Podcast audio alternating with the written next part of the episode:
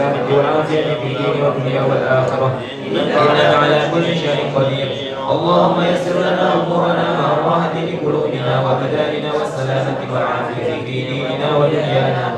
وكلنا صائما في سفرنا وحضرنا وخليفة في أهلنا واكنس على وجوه أعدائنا وامسحهم على مكانهم فلا يستطيعون المضي ولا المجيء إلينا. ولو نشاء وطمسنا على أعينهم فاستبقوا الصراط فأنا يبصرون ولو نشاء لمسخناهم على مكانتهم فما استطاعوا مضيا ولا يرجعون.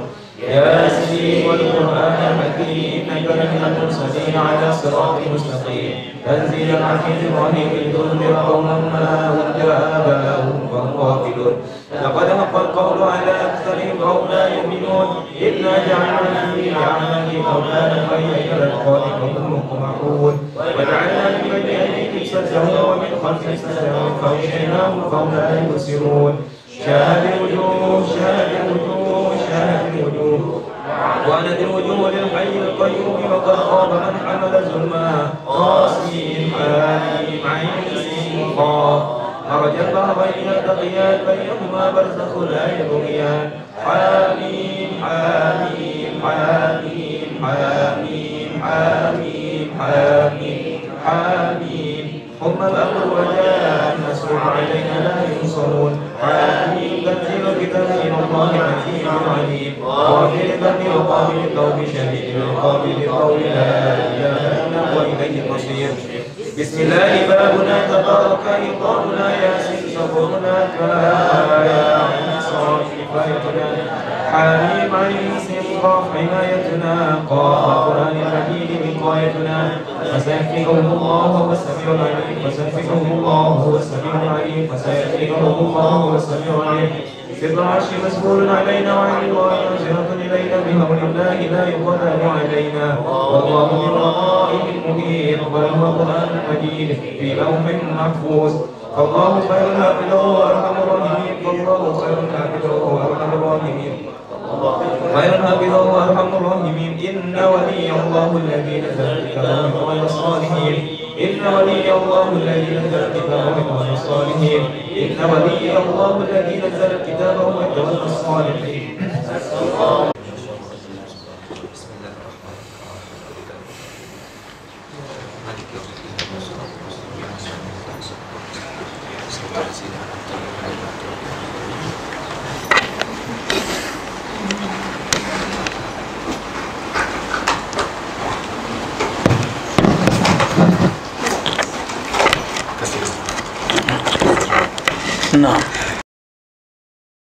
تشتري هنا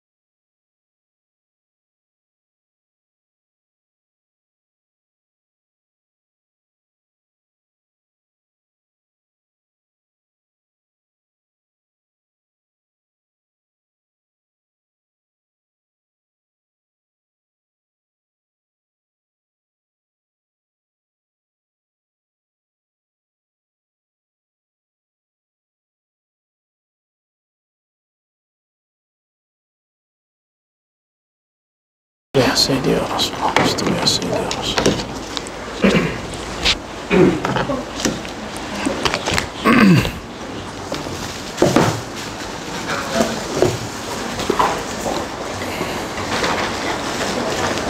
السلام عليكم ورحمة الله وبركاته.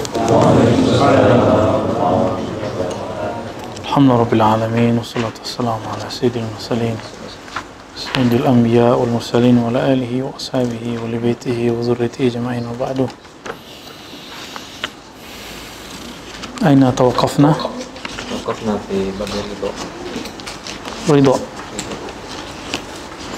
ما زلنا في ستين.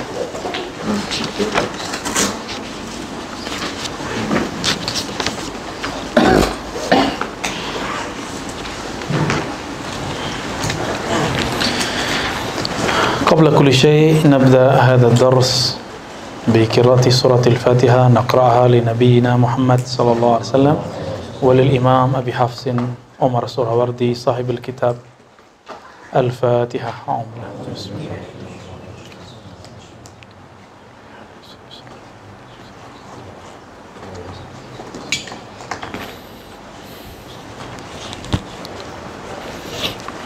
Ini bagi yang latihan mualimi malam tadi udah datang lagi nih. Ya, nggak bosen. Nah, kalau dapat pasangan tuh yang sepaham gitu, oh enak banget udah. Jadi ngerti sama kita. Kita ini bolak-balik begini, udah hidup. Hidup mau ngapain lagi? Ngaji nggak ngaji, pandemi aja aja keluar. Ya kan? Ngaji nggak ngaji macet. Ngaji nggak ngaji tua. ngaji nggak ngaji, semuanya terjadi begitu aja. Terus mau ngapain? Ngaji aja. Dan terus ngaji gimana? Saya teringat tuh ajengan Aang tuh di Sukabumi bilang, kalau kitab bumi mah saya juga bisa baca katanya. Tapi kalau obrolannya obrolan kalam-kalam langit, ah ini yang kami cari. Itu ada ajengan ngomong gitu, ajengan Aang namanya, anaknya uh, ajengan uh, Abah Jejen, yang murid Abah Anom. Saya kaget juga ngomong gitu. Uh, tapi untuk naik ke langit ya napaknya di bumi dulu lah ya. Kita baca kitab biar ada marhalahnya. Ya, maka kita perlu tawasul. Yang mana tawasul itu disyirikan oleh Soleh Fauzan. kita biarin aja. Dia salah faham sama kita. Ya. Termasuk termasuk pengikut-pengikutnya salah faham juga sama kita. Saya sudah berkali-kali katakan teman-teman, kajian ilmiah itu kalau antum pernah ngaji ilmiah, berkuliah di kampus, S1 aja. S1 yang sistemnya sudah maju ya. Mesti skripsi. Ada kritik nggak dalam paper? Kita mengkritik orang, kita dikritik orang, bener nggak? Biasa nggak? Kalau saya antum nulis paper nih, artikel, terus saya kritik, itu saya memfitnah nggak? Enggak kan? Saya ngeritik Soleh Fauzan, saya ngeritik Albani, saya ngeritik Ibnu Taimiyah, saya ngeritik Muhammad Wahab. Apakah itu disebut su'ul adab? Nah, iya, su'ul adab, buruk adab. Apakah itu disebut kurang ajar? Apakah itu disebut memfitnah? Kenapa Bu Albani boleh ngeritik ulama, saya nggak boleh ngeritik dia? Ya kan? Kenapa Soleh Fauzan boleh buat definisi sendiri terhadap yang dia tidak tahu? Kita yang ngamalin, kita punya definisi yang lebih valid. Bagi dia definisi tawasul itu nyembah selain Allah. Menyekutukan Allah. Kita bilang enggak, definisi ente salah. Lafaznya sama-sama tawasul, tapi isinya salah. Gitu. Dan ini kita ulang-ulang terus teman-teman, karena framing kajian ilmiah tidak sesuai dengan dengan yang sebenarnya. Kajian ilmiah itu bukan berkata Syekh Ibnu Taimiyah, Berkata Imam Fulan, Imam Fulan. Itu bukan ilmiah, itu namanya nukil, copy paste.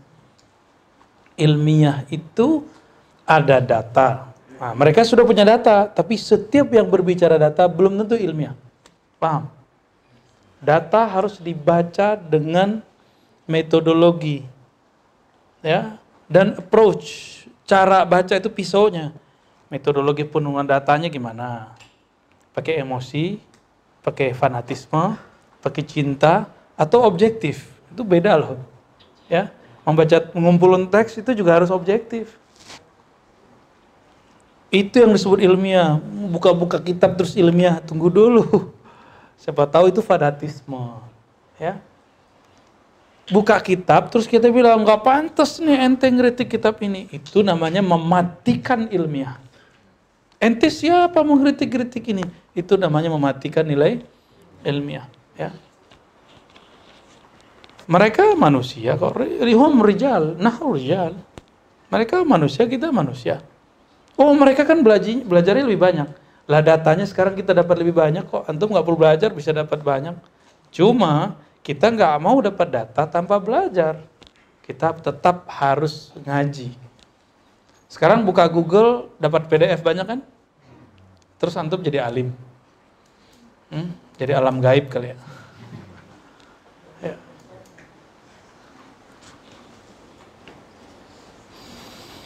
Nah ini yang ini yang mau kita eh, bangun ya teman-teman. Jadi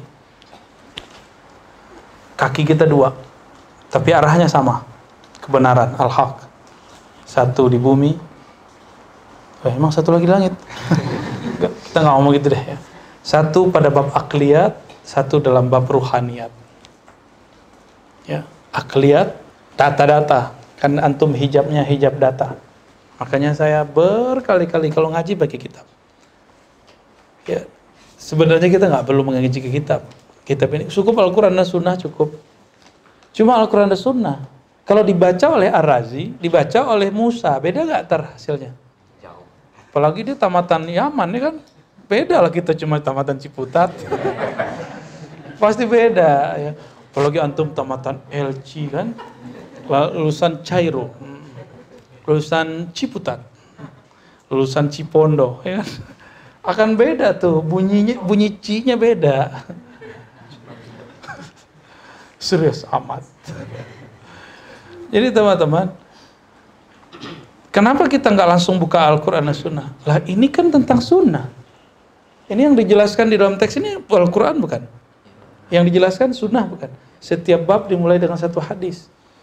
Dan hadisnya nyambung oleh ke Rasulullah. Disebutkan sana dari fulan, dari fulan, dari fulan, dari fulan. Kita nggak pakai terjemahan, gengsi kita pakai terjemahan. Ya, ini saya tahadus bin Ni'mah. Selama S1, saya cuma sekali baca buku terjemahan. Karena buku itu tidak ada di pasaran, buku aslinya. Cuma sekali. Buku apa itu? Buku Claude Adas. Aslinya berbahasa Fransai. Saya cari bahasa Inggrisnya. Jadi terjemahannya pun yang saya cari terjemahan Inggrisnya. Ya. Gimana? Ente gimana? Mau kualat? S1 nggak pernah saya baca. Setelah kemudian saya S2, saya terlibat dalam menerjemah Indonesia dari Indonesia ke Arab dan itu lebih ribet karena uslub Arabi itu beda dengan uslub uh, pesantren kita ya kan. Kita kalau pesantren ngomong ngomong Arab kan suka-suka aja. Eh, idrib lah ya. Anta inta takulah kaif haluk lah kaifa kaifa? Itu kan bahasa Arab kita kan Indonesia. Kalau bahasa Arabi kan nggak begitu. Arabi ya afasih nggak begitu tuh Arabnya ini tuh Arab maklum. Ya. Eh udah jadi disertasi sih apa tesis? Namanya Arab Gunturia ya itu udah jadi istilah tuh. Karena teman-teman tuh kalau lagi main futsal tuh aduh lucu-lucu Arab yumna yumna yumna. Ya, gimana? Kalau tendang-tendang tuh gimana? Huh? Apa gimana kalau tendang bahasa ya. Dan khatam Majmu Rosail sampai semester 2 Ghazali. Udah khatam alhamdulillah. Tapi belum punya kitabnya. Dulu kitab 2004 tuh masih susah di sini. PDF belum ada kan Google belum muncul seperti sekarang. Uh ribet itu. Saya bolak-balik masuk perpus sampai ngiler-ngiler di perpus. Ketiduran. Lagi baca dibaca buku ngalamin juga bangun-bangun udah pegal-pegal sini kita kan. Berharap ada akhwat di depan yang yang nyapa ya kan? Nggak ada nyapa. Aduh ah Arab maklum. Bacanya Arab tapi pengen dipelatin akhwat kan. Kacau juga kan. Normal manusia biasa. Kan ada gejolak tertarik sama lawan jenis biasa. Tapi nggak juga kan. Ya udah akhirnya kita tiap yang saya baca saya tahu terjemahan kata per kata, tapi yang dulu saya baca tahafut falasifa. Jadi Ghazali itu ngeritik para filosof itu gimana? Kan saya dituduh Ar-Razi ini filsafat. Tapi setiap kali dengar filsafat, saya menyerang sisi filsafat itu. Jadi buku tahafut falasifa, saya khatam hampir dua kali. Ya, hampir. Habis itu, ah sama aja kayak kemarin, udah paham gitu. Tapi mendiskusikan, membedahnya sudah berkali-kali. Bagian mana penting-pentingnya. Sebelum kitab itu saya baca, saya membaca kitab yang lain. Pengantar tahafut, namanya Maqasid Falasifah. Oh ternyata Ghazali itu sangat mengerti filsafat. Maqasid Falasifah adalah kitab yang secara objektif membahas filsafat. Lalu dia bagi di situ filsafat itu mana yang beririsan dengan al-din agama, mana yang terpisah dari agama. Kan lucu, anak baru hijrah, jurusan matematika. Bilang saya itu Ar-Razi itu nggak pakai ustadz, nggak pakai buya, nggak apa-apa juga kan. Antum jangan tersinggung kalau ada gitu aneh. Aneh juga seneng, berarti kita masih dianggap unyu-unyu kan. si Ar-Razi ya. Oke, berarti dia nganggap kita teman kali ya. Ya, bukan pakai bro, bukan pakai eh, bre, bra, bri, bro, alah. Biarin aja. Razi ini doktor filsafat. Ya, bagi saya itu eh, mungkin eh, sindiran, bisa jadi pujian, bisa jadi kita nikmati aja ya. Tapi ada yang unik ya. Ah.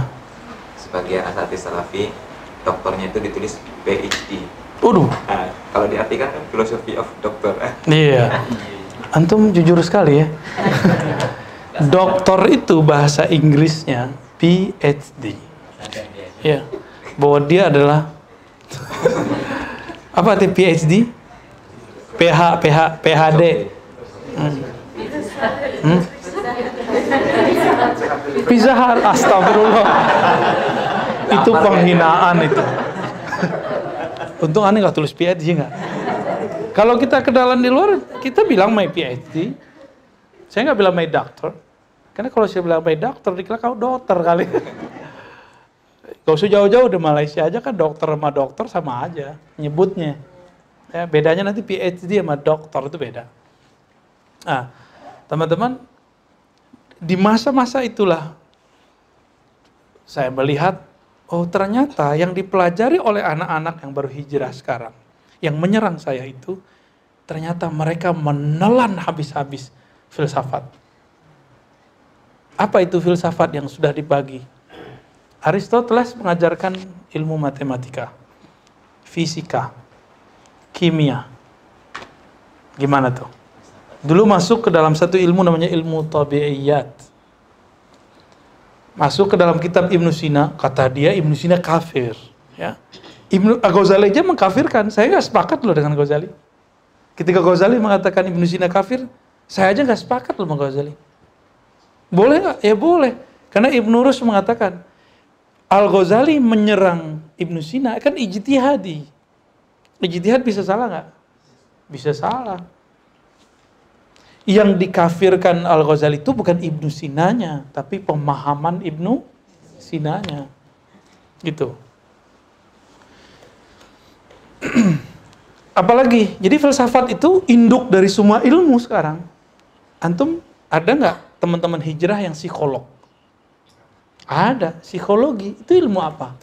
Ilmu nafs. Ilmu tentang diri, jiwa. Anasir tubuh, karakter jiwa. Lah itu turunannya, turunan Aristo itu. ya. Katanya mengharamkan. Nggak mau nyoblos. Nanti kan mau kita mau nyoblos nih 2024 insya. Nggak mau nyoblos, maunya golput. Kenapa? Karena itu dari Yunani. Dia kuliahnya di Universitas Umum. Jurusannya kedokteran, ya kan? Kedokteran siapa Bapak kedokteran? Sebelum Inusina sudah ada Jelinus. Ya, Jelinus. Itu di filsafat Greek itu nggak dianggap. Dia dianggap cuma praktisi. Nggak terlalu keren lah gitu. Yang keren itu Aristonya. Aristo, Plato, Aflatun ya. Kemudian Socrates. Tapi kan saya udah jelaskan kepada antum semua. Bagi saya ilmu ini bukan ilmu selain ilmu Allah. Ilmu kedokteran, ilmu hisab, ilmu handasa, eh, arsitek, ilmu apa lagi? Ilmu biologi. Semua ilmu ini adalah ilmu yang bersumber dari nabi-nabi Allah juga. Kenapa saya katakan begitu? Kita sudah telusuri secara sanad. Ternyata tiada ilmu di alam semesta kecuali ada beberapa sisi dari ilmu itu sumbernya dari para nabi. Kita buka Al-Milah wa Nihal jilid 2, ketemu ternyata Socrates itu belajar kepada murid-murid Pitagoras. Pitagoras siapa gurunya? Solomon, Sulaiman. Ya, Nabi Sulaiman loh. Nabi Sulaiman terus Daud ke atas. Kan semua masih keturunan itu. Nabi Sulaiman musyrik apa mukmin? Udah bilang nabi kok. Masih aja kak. Iya. Jadi Aristo ilmu yang dikembangkan itu ilmunya Pitagoras. Makanya sampai sekarang belajar nggak rumus Pitagoras? Yang mengharamkan filsafat jangan buat sama sekali, jangan pakai sama sekali, jangan pelajari sama sekali. Rumus Pitagoras. Robek. Oh, udah Isa nih jago matematika nih. Matematika apa kimia? Dua-duanya. Aduh, gila juga tuh. ya. Ahli hadis padahal. Ngerti ilmu kimia sama matematika ya. Kimia murni apa apa Iza? Fisika murni, ajib. Fisika murni ya filsafat. Hanya fisika murni, matematika murni, kimia murni itu yang filsafat karena dia membuat teori, benar nggak? Itu ujurannya nanti ke kaidah-kaidah itu yang dibongkar-bongkar. Jadi penelitiannya tujuannya untuk membongkar kaidah. Itu beda kalau di kita fikih mau usul fikih. Orang fikih yang dibongkar apa? Kejadian kasus. Kalau usul fikih yang dibongkar metodologi penentuan kas, hukum kasus itu. Nah, saya dididik oleh Mas Syaikh, saya usuli, bukan furu'i. Bukan bahsul masail saya, bahsul usuli. Jadi bahsul masail usuliyah, bukan masail furu'iyah. Maka ya kurang tertarik sih bicara furu'. Cuma harus dibicarakan karena persoalan kita kebanyakan di masalah furu'. Udah banyak pakar ya di sini. Silakan antum yang bicarakan itu. Ya, biar saya bicarain yang usuli aja. Ya. Tapi kalau kadang-kadang di, di, di tengah jalan, bukan tengah jalan ya, lagi di lapangan, ya banyak juga yang nanya furu. Nah, itu biasanya kaget-kaget kalau kita jawab versi usul tuh. Banyak yang kaget-kaget ya. Orang kalau udah baca kitab Fathul Muin, kayaknya semuanya benar di situ. Tunggu dulu. Itu kan cuma salah satu dari ijtihad Syekh Zainuddin Al-Malibari. Dia orang Malibar loh. Emang kita nggak boleh ijtihad yang sesuai dengan zaman sekarang? Boleh. Kalau nanti ujuk-ujuk beda dengan beliau, dalam bab furu itu boleh-boleh aja. Kenapa saya berani katakan begitu? Beliau sendiri beda dengan dirinya. Itu Mufatul Mu'in syarah kitab apa? Muhim Matuddin ya, benar? Udah lama nih kita nggak baca-baca kita itu ya, Muhim Matuddin. Qurratul Qurratul Ain fi Nah, itu antum cari dari judulnya. Saya baca di situ masailnya. Dulu kita emang fokus baca kita kitab furu sebelum ketemu imam usulinya. Apa kata uh, Al-Imam Al-Malibari rahmatullah alaih? Khitan untuk perempuan hukumnya begini gitu. Lalu dia buat syarah Fathul Muin, dia ganti, dia katakan gila. Tidak seperti yang dia tulis di matan. Nah, jadi beliau sendiri membuka cerakawa dalam dirinya untuk berbeda. Imam aja membuka dalam dirinya untuk berbeda. Masa kita nggak boleh beda sama dia gitu? Itu maksud saya ya. Gimana kira-kira? Kalau ke depan teman-teman, ini aneh bertanya. Di zaman dulu ada nggak kecanggihan seperti yang ada di handphone kita sekarang? Bisa beli makanan tanpa datang, bisa beli barang tanpa ketemu. Ada nggak? Beli tiket tanpa ke... Terus antum menghukumi abad sekarang dengan fikih yang ditulis 100 tahun yang lalu. Nyambung nggak? 100 tahun yang lalu udah ada bank belum di Indonesia? Nggak ada bank. Apalagi 14 abad yang lalu. 100 tahun yang lalu sudah ada belum itu yang online-online itu ya duit-duit online itu duit, duit digital itu e-commerce apalah semuanya kan nggak ada kalau kita bilang oh di kitab nggak ada berarti itu nggak boleh oh ya salah nah itu kalau antum berpikir usuli akan bisa menangani masalahnya. Tapi kalau masalahnya furu iya waduh pusing tuh ya. Dicari di kitab nggak ketemu. Padahal kaedahnya sudah ada. Al aslu fil muamalat al ibaha pada dasarnya muamalat itu boleh-boleh aja gitu. Udah ada toh. Cuma segitu kalimatnya. Itu yang buat pasti waliullah itu hanya wali yang bisa membuat kaidah seperti itu jadi bagi kita wali itu nggak hanya yang yang aneh-aneh dan kita dituduh ya antum ini dituduh murid wali gila Selamat, Cici. Emang ada aneh ngomong wali gila? Ada nggak? Ada nggak? Terus mereka yang menuduh kita, "Oh, Ar-Razi punya wali gila. Itu tuduhan bukan? Tanda kalau tidak pernah nyimak walaupun cuma satu menit. Betul-betul yang disebutkan dalam surat Luqman. Ya. Ada wakrun. Ada tutupan di telinganya. Ya. Benar gak tuh? serem, serem kalau sudah begitu. Orang kalau udah nggak mau denger, udah gabung di Zoom aja nggak mau denger, udah datang aja nggak mau denger, nggak akan mau denger. Maka teman-teman, orang-orang begitu nggak usah kita hiraukan, ya. Ya, siru fil udah jalan terus di muka bumi. Jangan berhenti. Nggak boleh berhenti kita. Kita harus terus istaqim. Fastaqim kama umirta. Kamu istiqomahlah seperti kamu diperintahkan. Siap nggak istiqomah? Ya, siap nggak dicaci maki? La yakhafuna laumata la nggak takut dicaci maki oleh orang yang mencaci. Itu yang harus kita pegang-pegang ya. Ini kalam yang yang saya akan terus ulang-ulang karena dulu saya masih ingat guru saya bilang wali Allah itu nggak takut dicaci maki. Kita belajar-belajar bersiap menjadi wali. Syukur-syukur diangkat Allah Subhanahu wa taala. Amin ya rabbal alamin. Jangan GR dulu antum menjadi wali.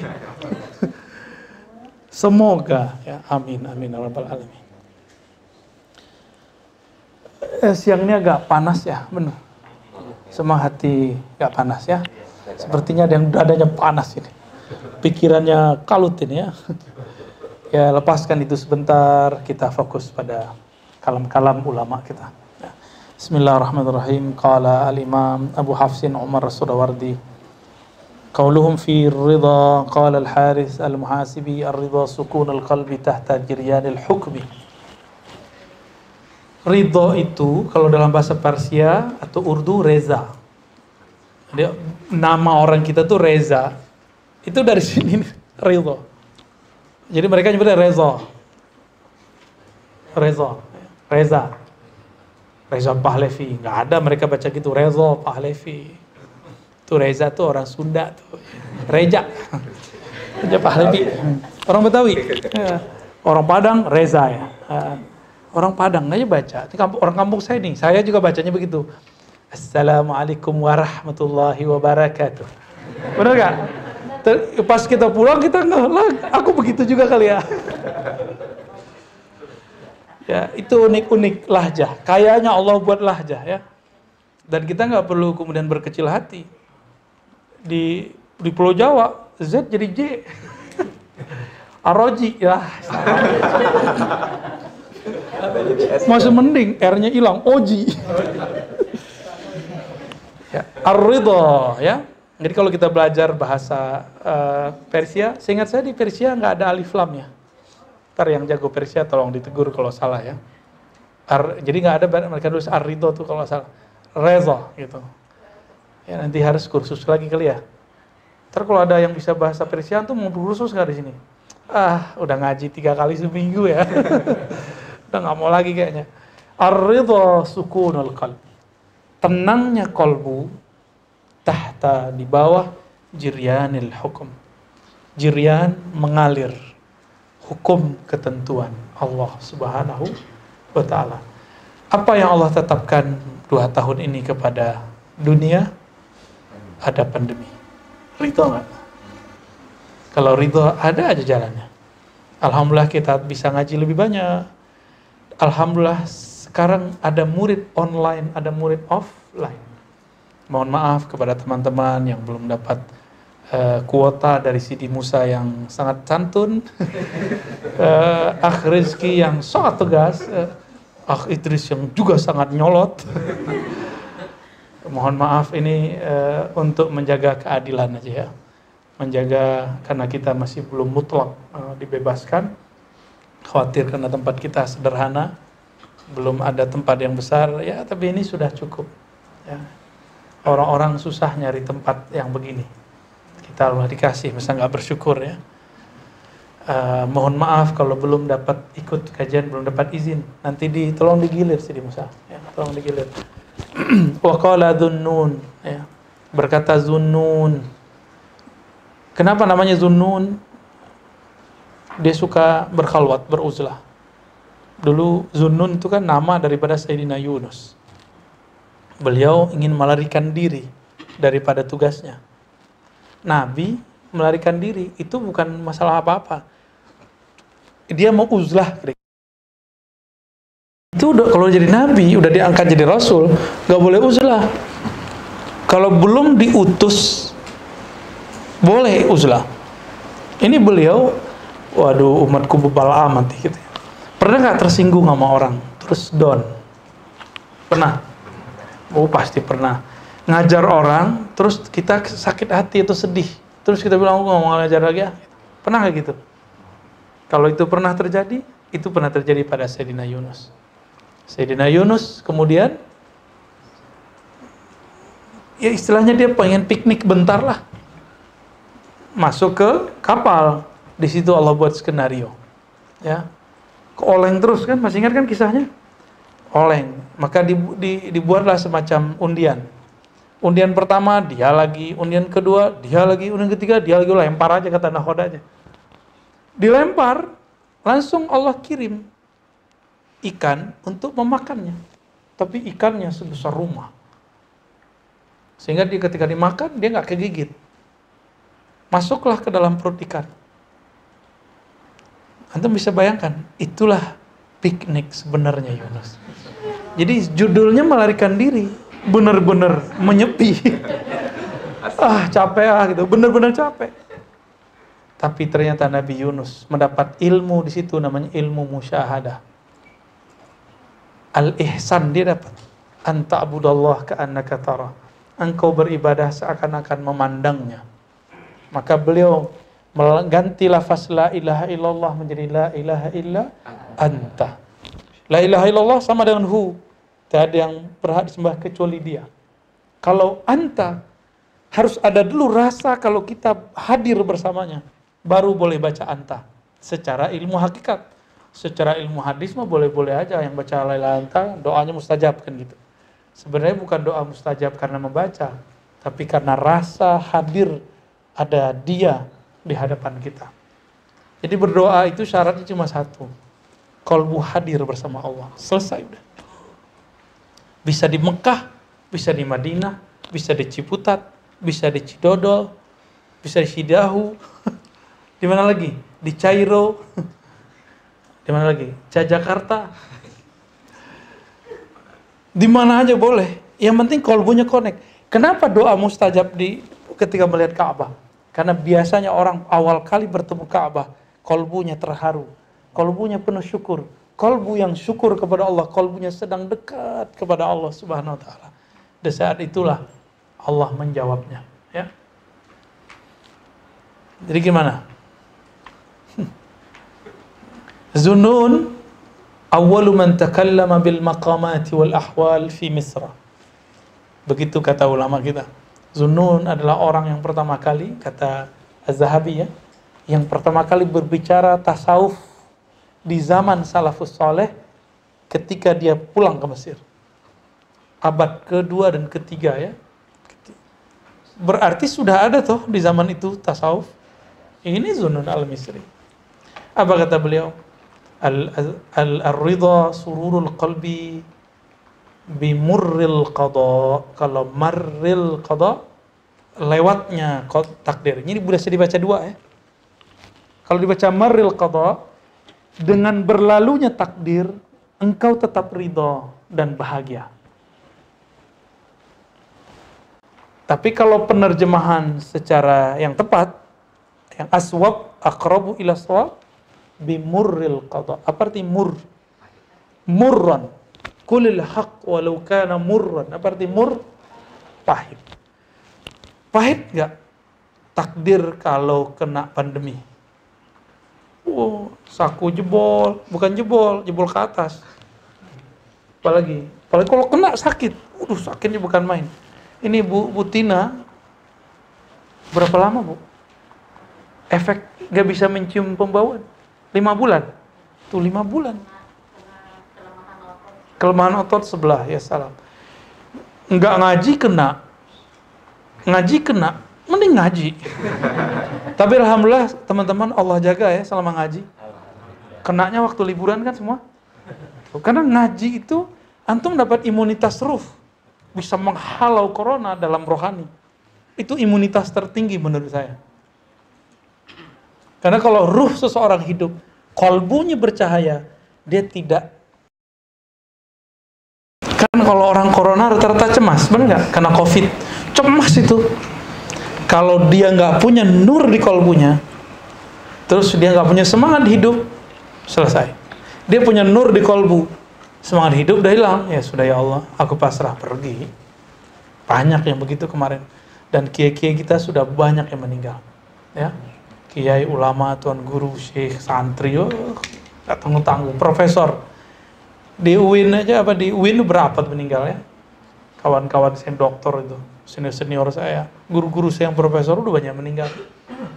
Di IKI beberapa meninggal. Masih muda ada namanya Dr. Edward PhD meninggal dia. Pada dokter mati juga coba. Jadi ternyata malaikat tuh nggak nanya lu dokter ya? Gue undur ya. Ya gak bisa gitu. Ini kalam indah sekali menurut saya. Ridho itu adalah kolbumu tetap surur, tetap bahagia, tetap girang, tetap tenang. Bimurril qada, meskipun pahit ketentuan yang engkau jalani. Allah mau nggak celakain kita? Maka nggak ada takdir yang buruk. Ada orang yang bertak, eh apa, yang menginginkan berkawan dengan siapa, dapatnya siapa. Ada yang ingin kawan hidupnya siapa, dapatnya siapa. Itu bisa jadi. Ada yang ingin uh, sekolah ke mana, jadinya gimana. Itu semua antum jalani aja. Sidi Musa pengen tamat di Yaman, coba. Elah tamatnya di S2 aja di Ciputat ya. Ujung-ujungnya ke Ciputat lagi. Alhamdulillah. Maka kita kasih tahu buat antum yang nggak tahu Ciputat. Ciputat itu Madinatul Ulama'i wal Awliya. City of Muslim Scholar. Ya. Jadi kota para intelektual. Sebelum rumah-rumah dosen itu kemudian dipindahkan Di sini bercahaya setiap hari. Setiap hari mereka alim-alim ulama itu Doktor-doktor, profesor Kiai-kiai itu menginjakkan kakinya di tanah Ciputat ini setiap hari santri-santri, mahasiswa-mahasiswa, santri dari kam, dari pesantren mana dia kuliah di sini. Di antara mereka ada yang wali, ada yang calon wali, ada yang mantan wali. mantan wali yang gawat tuh ya. Itu semuanya bergerak, bahkan diberkahilah sekitar ini. Alhamdulillahirabbil alamin. Ini yang setan kan nggak mau tenang, maka setan buat usil. Tamat UIN liberal, Emang liberal ada di mana-mana. Saya ketemu tamatan Al-Azhar liberal juga banyak. Tamat Umul Kuro antum kafirkan juga ada. Itu saya regal sirot kan antum agak kafir. Bukan yang di sini. Kalau saya punya perbedaan dengan beliau, tapi saya tidak mengkafirkan beliau. Gitu. Misalnya dalam bab sanat Asy'ariyah, saya beda dengan uh, Kiai Said Agil Sirot, tapi saya nggak mengkafirkan dia. Menurut saya dia nggak syiah. Cuma memang guru saya, Allah yarham Kiai Mustafa Yakub, beda dengan beliau. Ya, saya kan murid Kiai Mustafa ya, nggak jauh-jauh beda dengan beliau.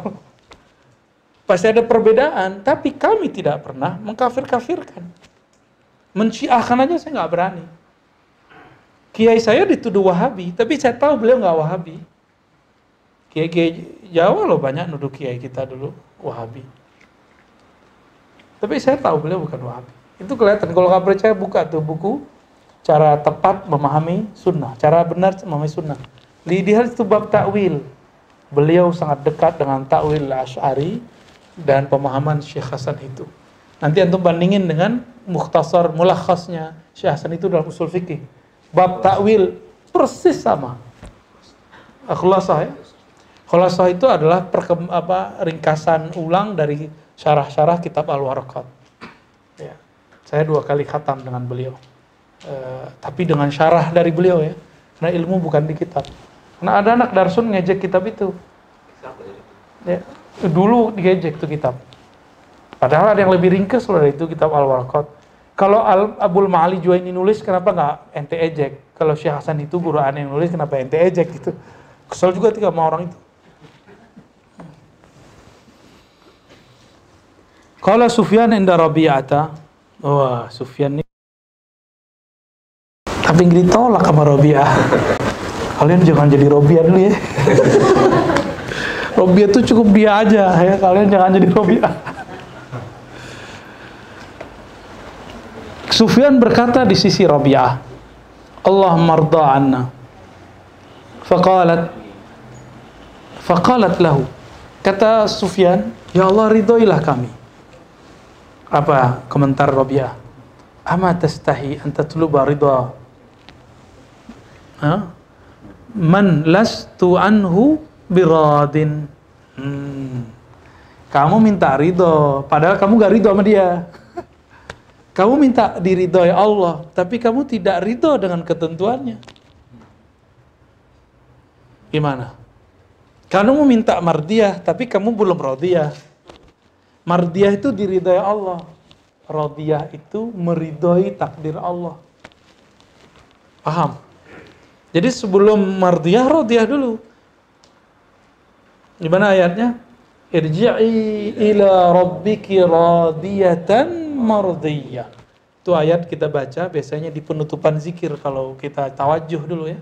Saya kalau suluk atau itikaf eh, kita ada pertemuan halakoh pekanan, mingguan, bulanan. Pembukaannya surat Al-Munafikun atau akhir surah Ali Imran atau akhir dari surat Taubah laqad ja'akum penutupnya ya ayyatuhan nafsul mutmainnah. Ini dia ayatnya. Gimana kira-kira? Antum minta ridho kepada Allah, tapi antum tidak meridhoi Allah ketentuannya. Iya, kata Robiah. Hmm? Gimana kalau orang kita ngomong gimana? Ente minta, padahal ente nggak ridho gitu. Apa tuh namanya? Ya tau antum buat istilah sendiri aja ya. Itu lip sync lip sync aja tuh. Fasa'alaha ba'dul hadirin mata yakunul abdu radiyan anillahi tabaraka wa ta'ala. Lalu ada orang bertanya kepada Rabi'ah.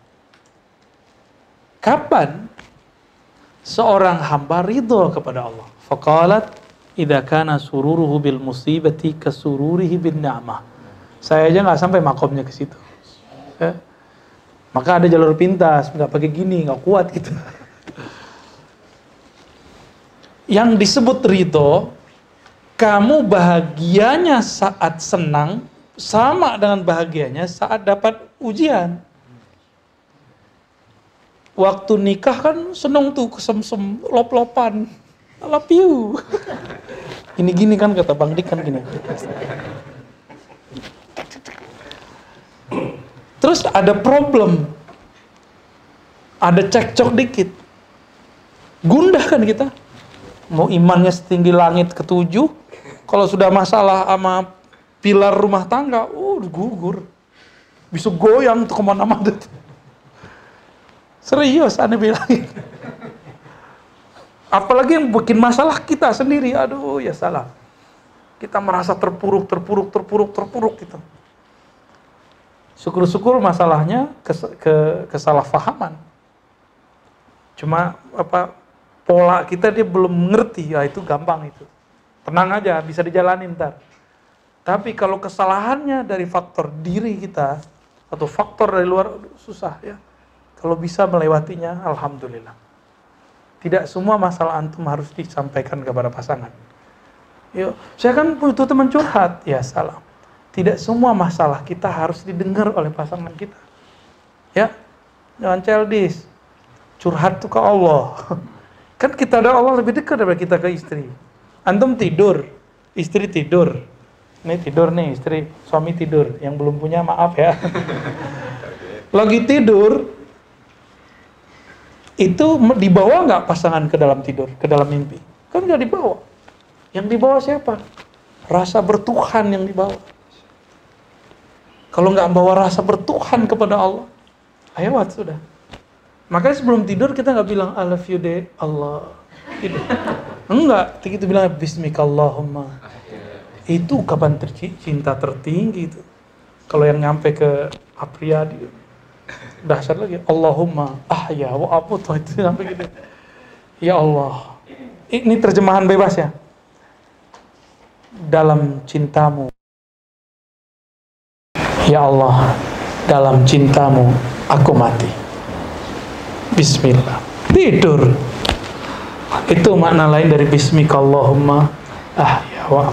Mulai malam ini. Jadi jangan main baca-baca doang mah anak SD. Anak SD begitu. Gimana? Ini doa itu jangan di, jangan ngarap-ngarap biah.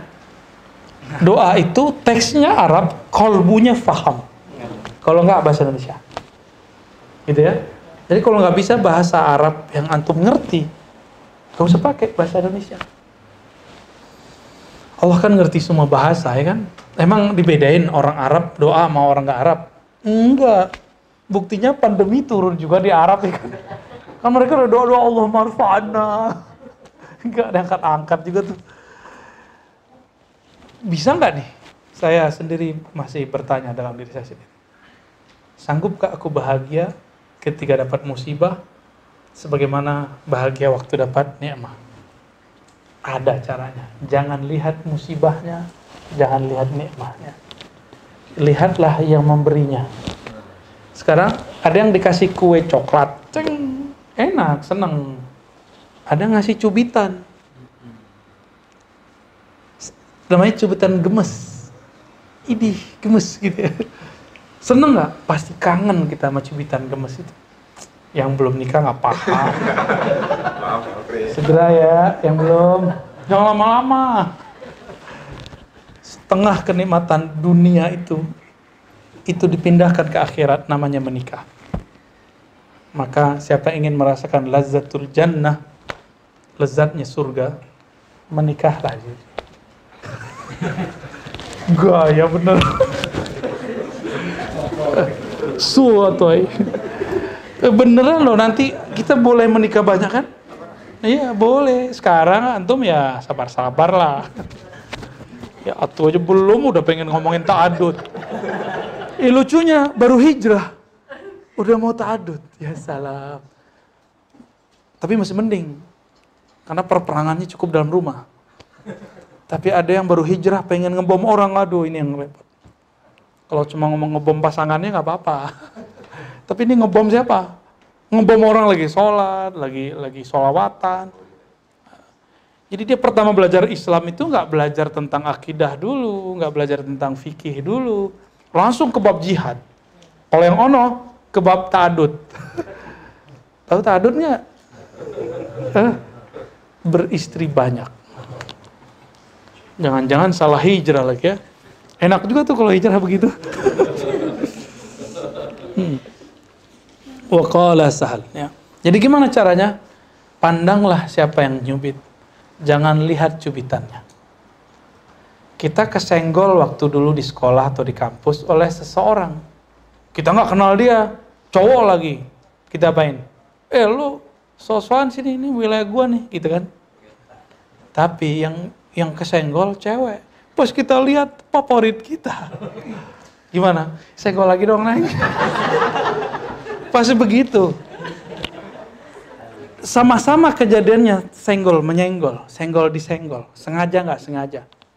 Tapi karena yang menyenggol dan disenggol adalah orang yang kita suka, malah kita mengenang-kenang terus. Jadi teman-teman, itu senggolan tuh bikin emosi, tapi juga bikin kasih, cinta kasih. Kok bisa begitu? Karena antum memandang siapa? Objeknya, subjeknya. Ini maksud Sayyidatuna Rabi'ah. Itulah ma'rifat Rabi'ah. Ma'rifatnya itu. Ah, ini nih, ini tuh hakikatnya. Ini kalam hakikat namanya. Ma'rifatnya barusan. Tinggian mana hakikat sama ma'rifat? Ma'rifat. Jadi orang kalau cuma ngomong hakikat itu susah dia mikirin. Tapi kalau sudah tahu clue ma'rifatullahnya, dia bisa mudah menjelaskan. Nah, itu namanya murad. Kalau antum masih mikirin yang tadi, gimana caranya dapat musibah bahagia seperti dapat nikmat? Itu murid. Kalau murad dikasih pemahaman. Hmm? Tahu makom kita semua, ya. Maka kita nggak boleh belagu-belagu amat. Saya juga pertama baca nggak paham, tapi kemudian dikasih setelah membaca. Dulu nggak paham. Saya 2006 sudah khatam kitab ini, dan saya membuatkan karya ilmiah untuk orang. 2006, saya S1 jadi 2006 saya udah bisa tamat S3. Buatin tuh orang ini kok bahan-bahan inti buat dia. Gak tahu dia olah bagaimana setelah itu. Tapi yang inti-inti, bab inti semuanya saya buatin. Tuh, makanya 2006 tuh saya zaman-zaman belagu tuh. Belagu, suka lagu. berlagu ya salah ya qala sahal idza tasala ridha birridwan ittasalat at-tumanina tuba lahum wa husnu ma'ab bukan husnu mangap ya apabila ridha sudah bersambung dengan ridwan ridwan itu maksudnya ridwanullah kamu sudah radiyah nyambung dengan kondisi mardiyah barulah tumak ninahnya an-nafs al-mutmainnahnya permanen. Jadi kalau baru mutmainnah biasa dengan zikir itu bisa hilang. Makanya orang sering nanya, Ustadz, saya selesai zikir kok galau lagi. Ya zikirnya selesai. Ya, seharusnya dia ridho. Gak ada orang yang sanggup zikir sepanjang masa kecil Rasulullah. Sallallahu kita ini karena nggak sanggup banyak-banyakin sholawat buat beliau supaya kekurangan kita ditutup dengan sholawat kepada baginda Rasul Sallallahu Alaihi Wasallam. Wa qala Rasulullah Sallallahu Alaihi Wasallam, "Dzaqa ta'mal iman man radiya billahi rabba." Ini hadisnya sahih ya. Ini garansi dari Rasul.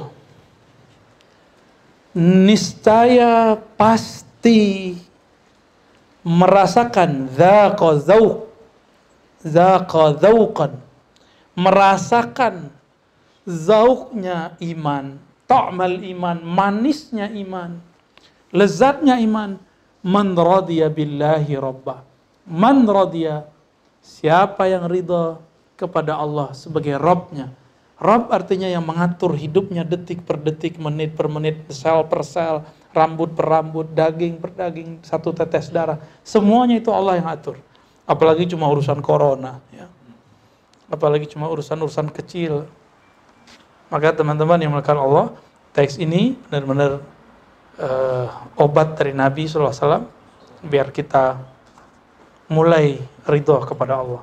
Maka tolong setiap pagi sore baca raditu billahi robba. Yang paling enak tuh habis azan. Jadi lima kali sehari semalam. Salah satu doa azan adalah raditu billahi robba. Aku ridho kepada Allah sebagai Rabbku. Nah, apa yang terjadi sekarang sama kita? Lagi baikan, lagi nggak enakan. Ridho ya aja. Jangan-jangan kita punya persepsi, Allah nggak mau begitu. Kita pengennya sama siapa, Allah nggak mau kita sama dia.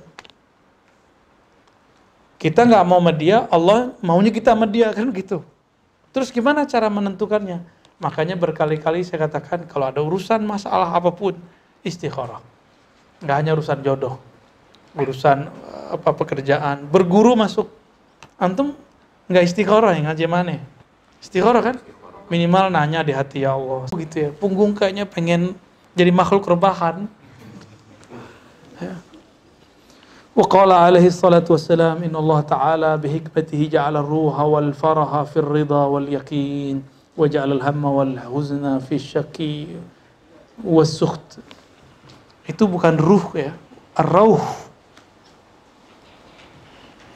sesungguhnya Allah dengan kebijaksanaannya ketepatan rencananya hikmah itu ketepatan ja'ala rauha wal faraha bukan ruh, rauh, kelapangan, wal farah, kebahagiaan, fir ridha wal yakin. Dalam ridho dan yakin.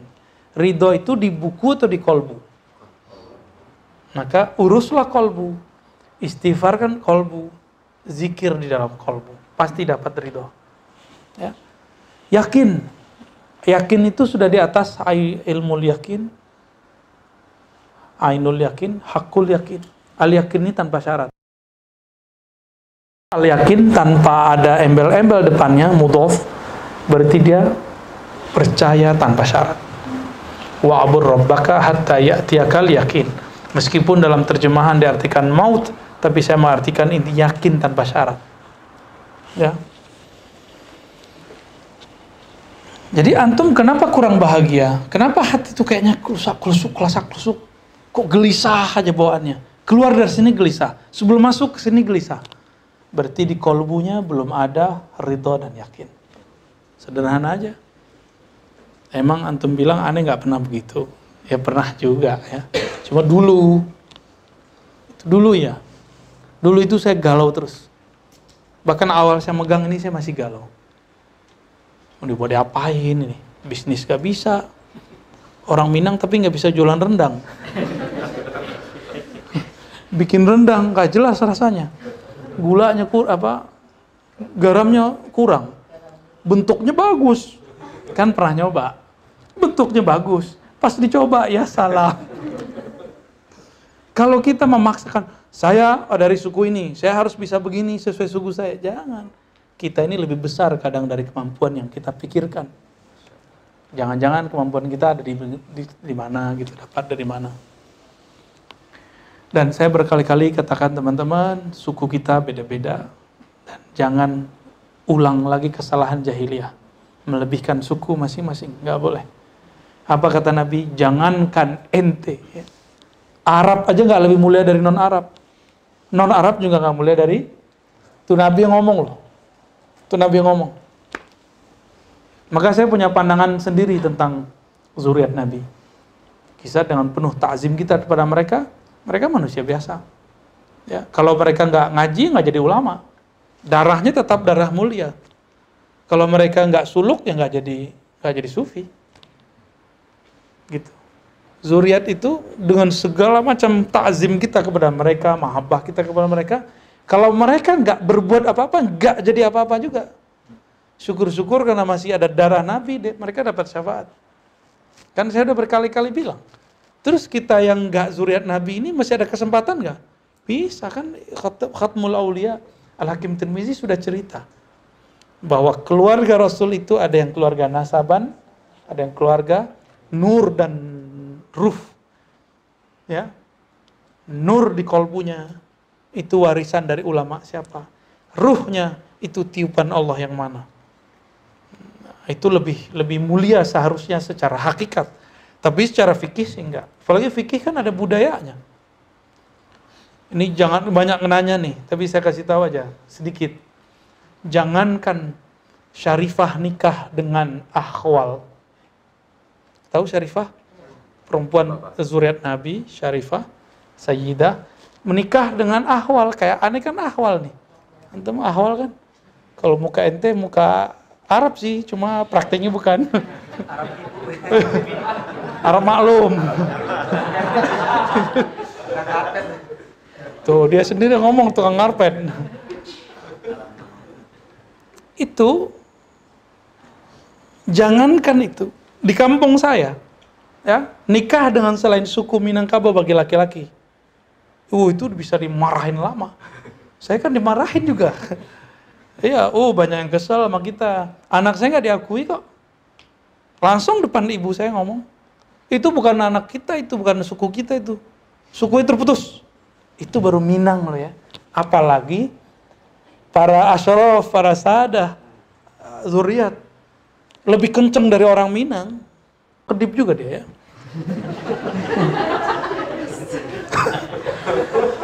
itu kejadian apalagi para asyraf sadah.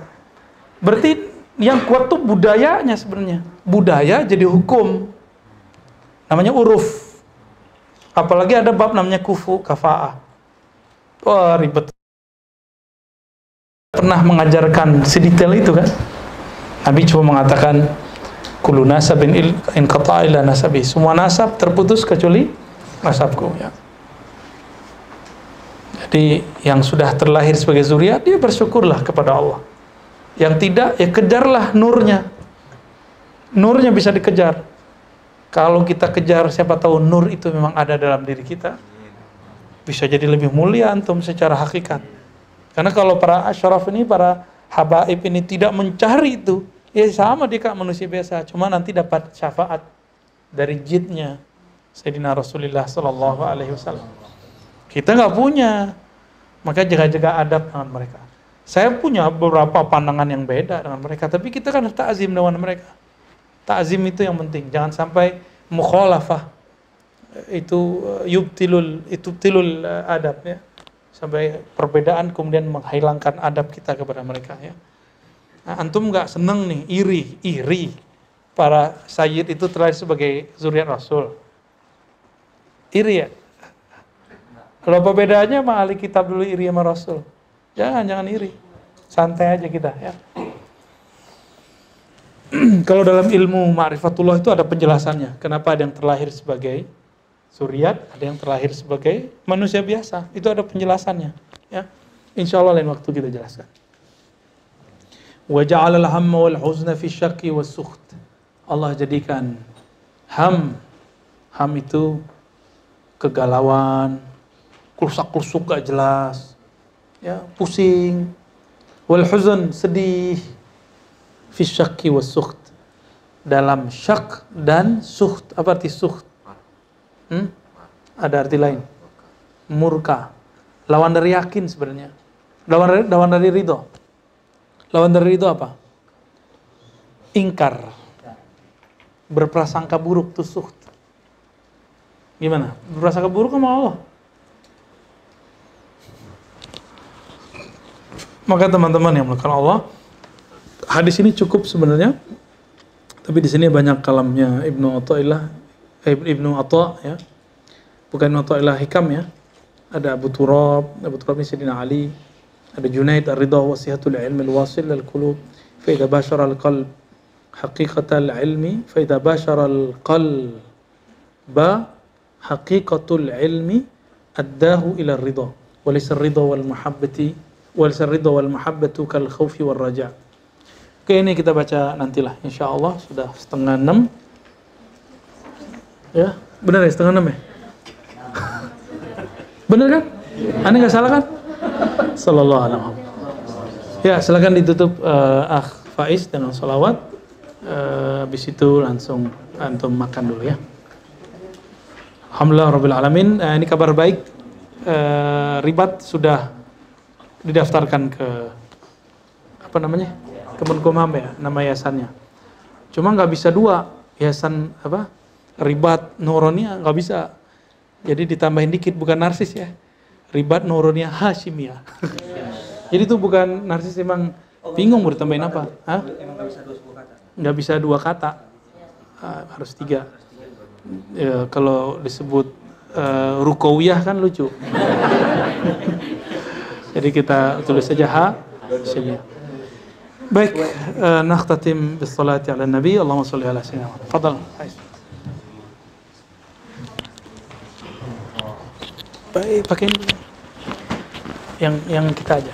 Dodo mungkin kan Allah.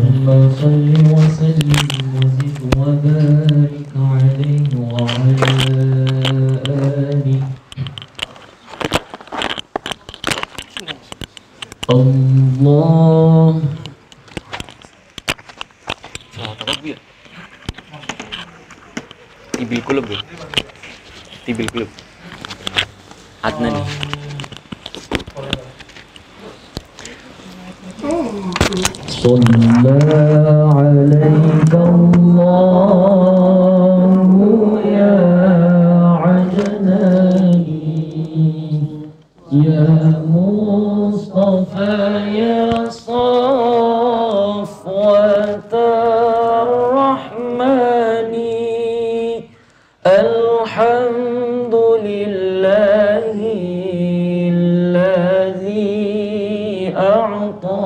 أعطاني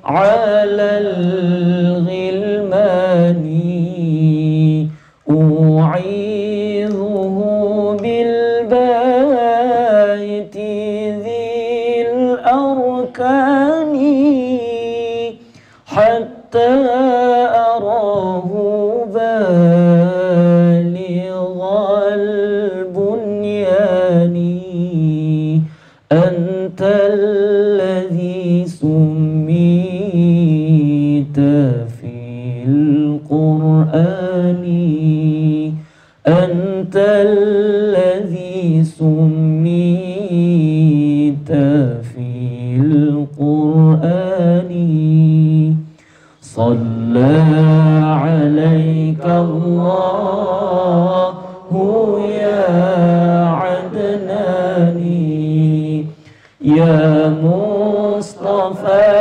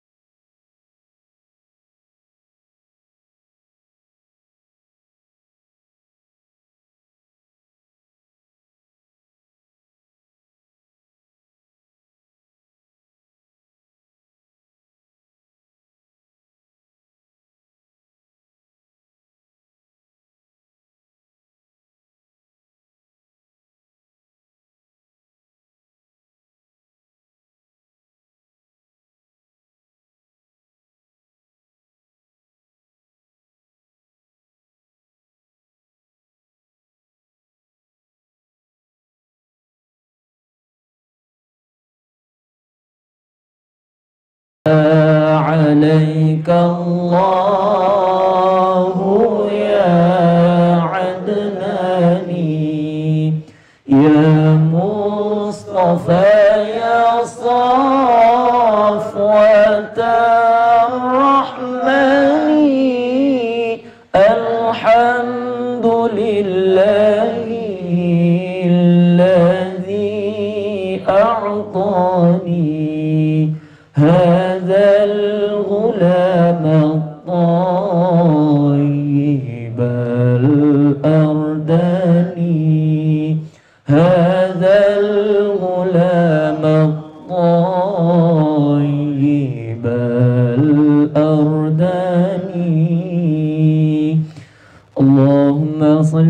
وسلم وزد وبارك